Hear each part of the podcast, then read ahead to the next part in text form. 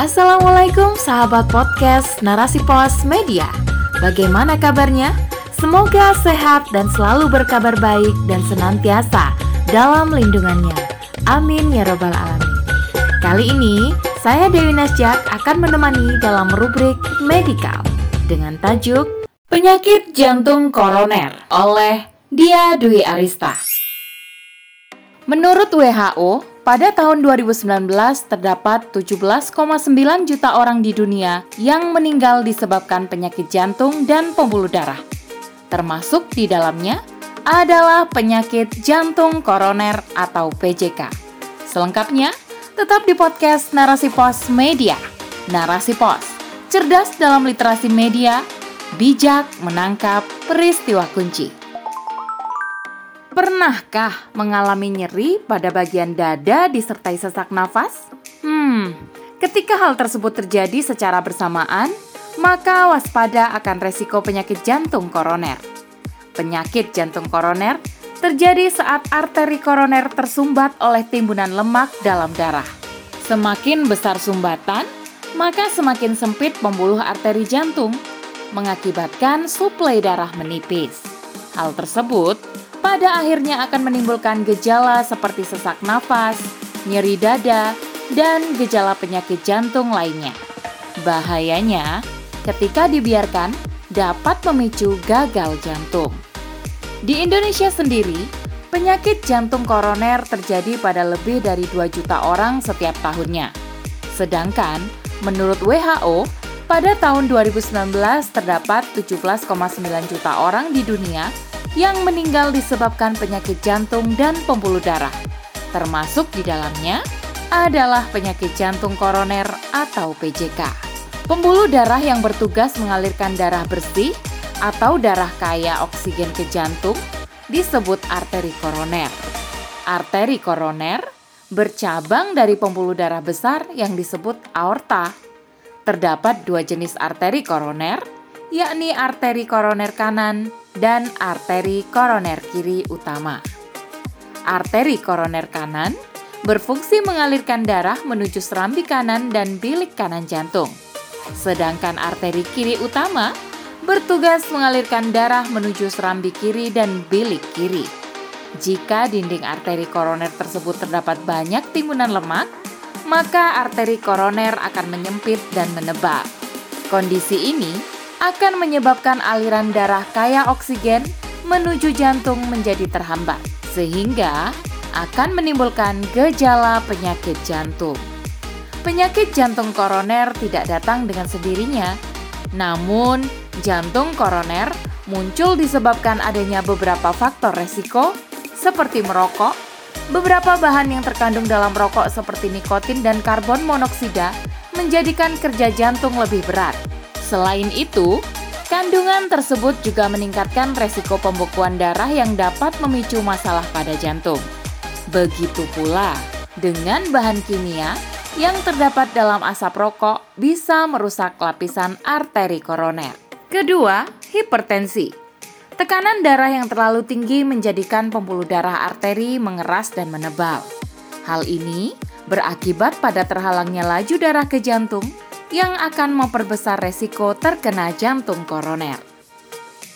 Ketiga, kolesterol tinggi.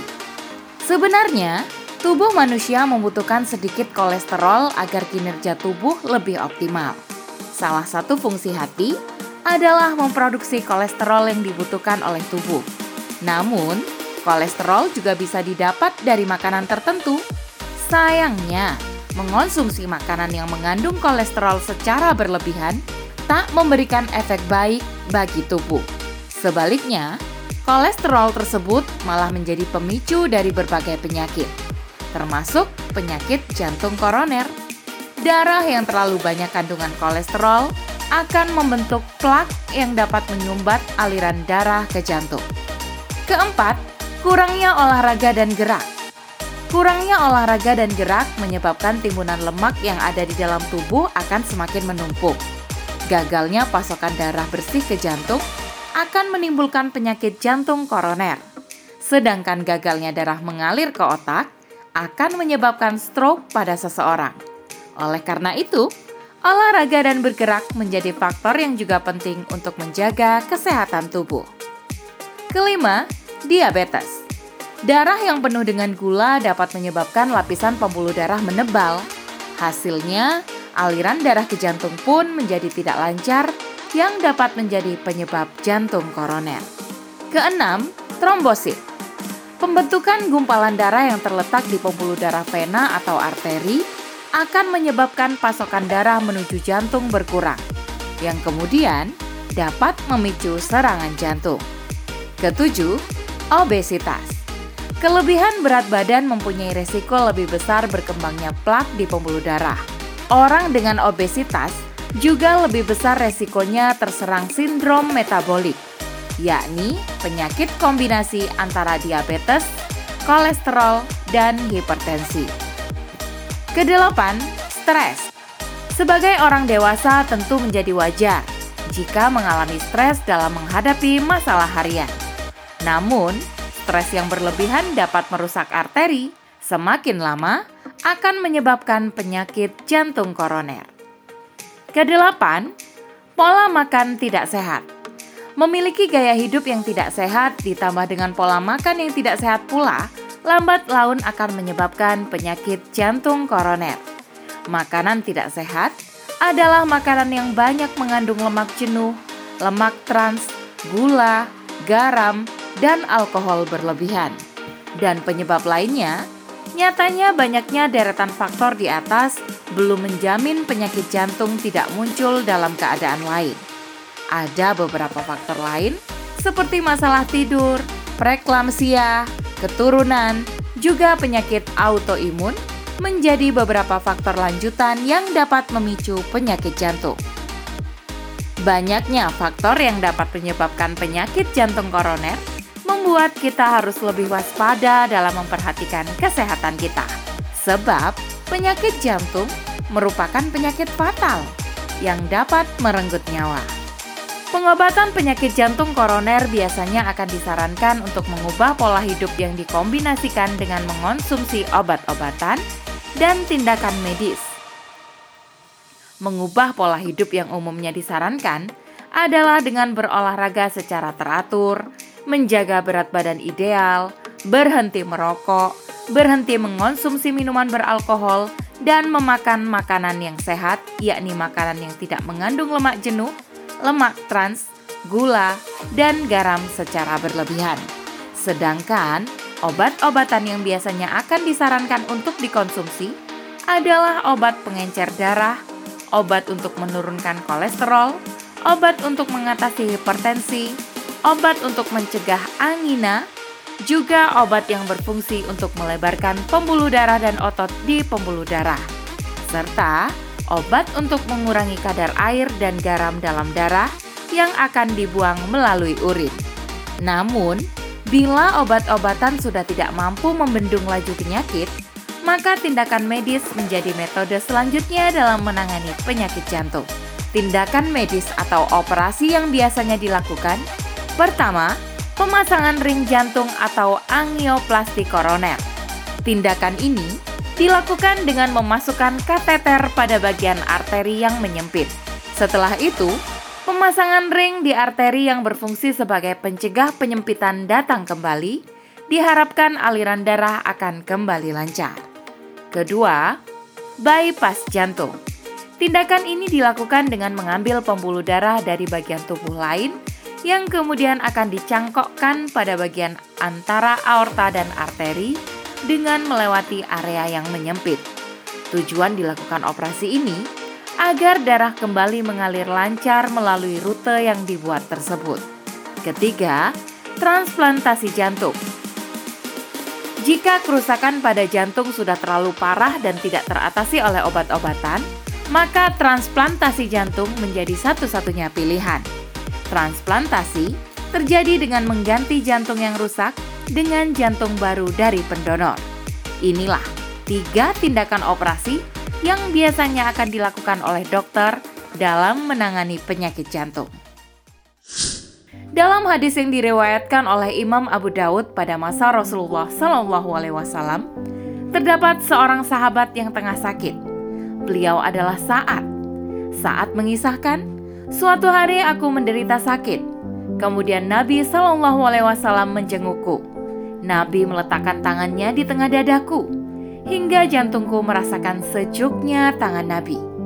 Beliau pun bersabda, "Kamu menderita penyakit jantung.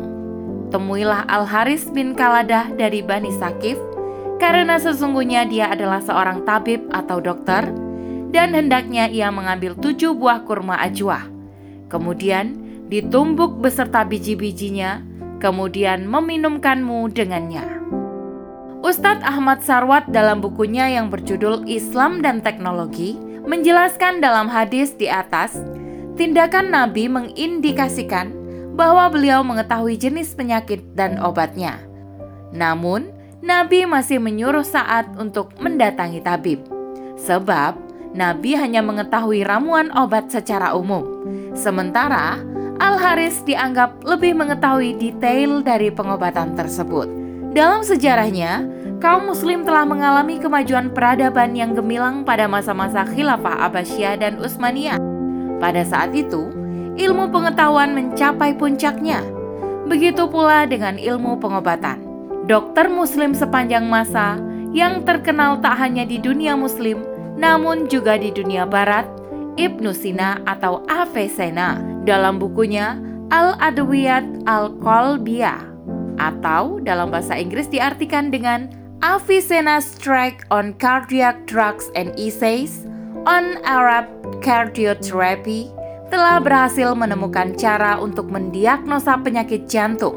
Ia juga berhasil menjelaskan penyakit jantung secara logis, di mana pada saat itu Barat masih mengartikan penyakit sebagai tindakan-tindakan sihir yang tidak logis. Hal ini dikukuhkan dalam tulisan Rachel Hajar yang berjudul The Air History Part 5 Ibnu Sina, The Great Session and Philosopher. Ia menuliskan bahwa Ibnu Sina memberikan fokus lebih pada detak jantung dan bagaimana mengartikan kondisi organ vital tersebut. Singkatnya, dengan memfokuskan perhatian pada detak jantung, maka akan bisa diketahui apakah ada masalah pada jantung, juga di mana letak permasalahan tersebut. Sebab, Ibnu Sina dalam bukunya The Canon of Medicine menyampaikan bahwa setiap denyut nadi terdiri atas dua gerakan dan dua jeda sehingga alurnya adalah ekspansi, jeda, kontraksi, jeda. Sepanjang sejarah kedokteran, denyut nadi menjadi parameter dalam menilai adanya gangguan pada jantung. Pun saat itu, Ibnu Sina telah berhasil mendeteksi berbagai penyakit, termasuk penyakit jantung dengan memeriksa denyut nadi. Berbicara tentang jantung, terdapat satu umat yang setiap gerakannya akan diamati. Bahkan, sekecil apa pun perubahan dalam umat ini dapat memengaruhi peradaban di dunia.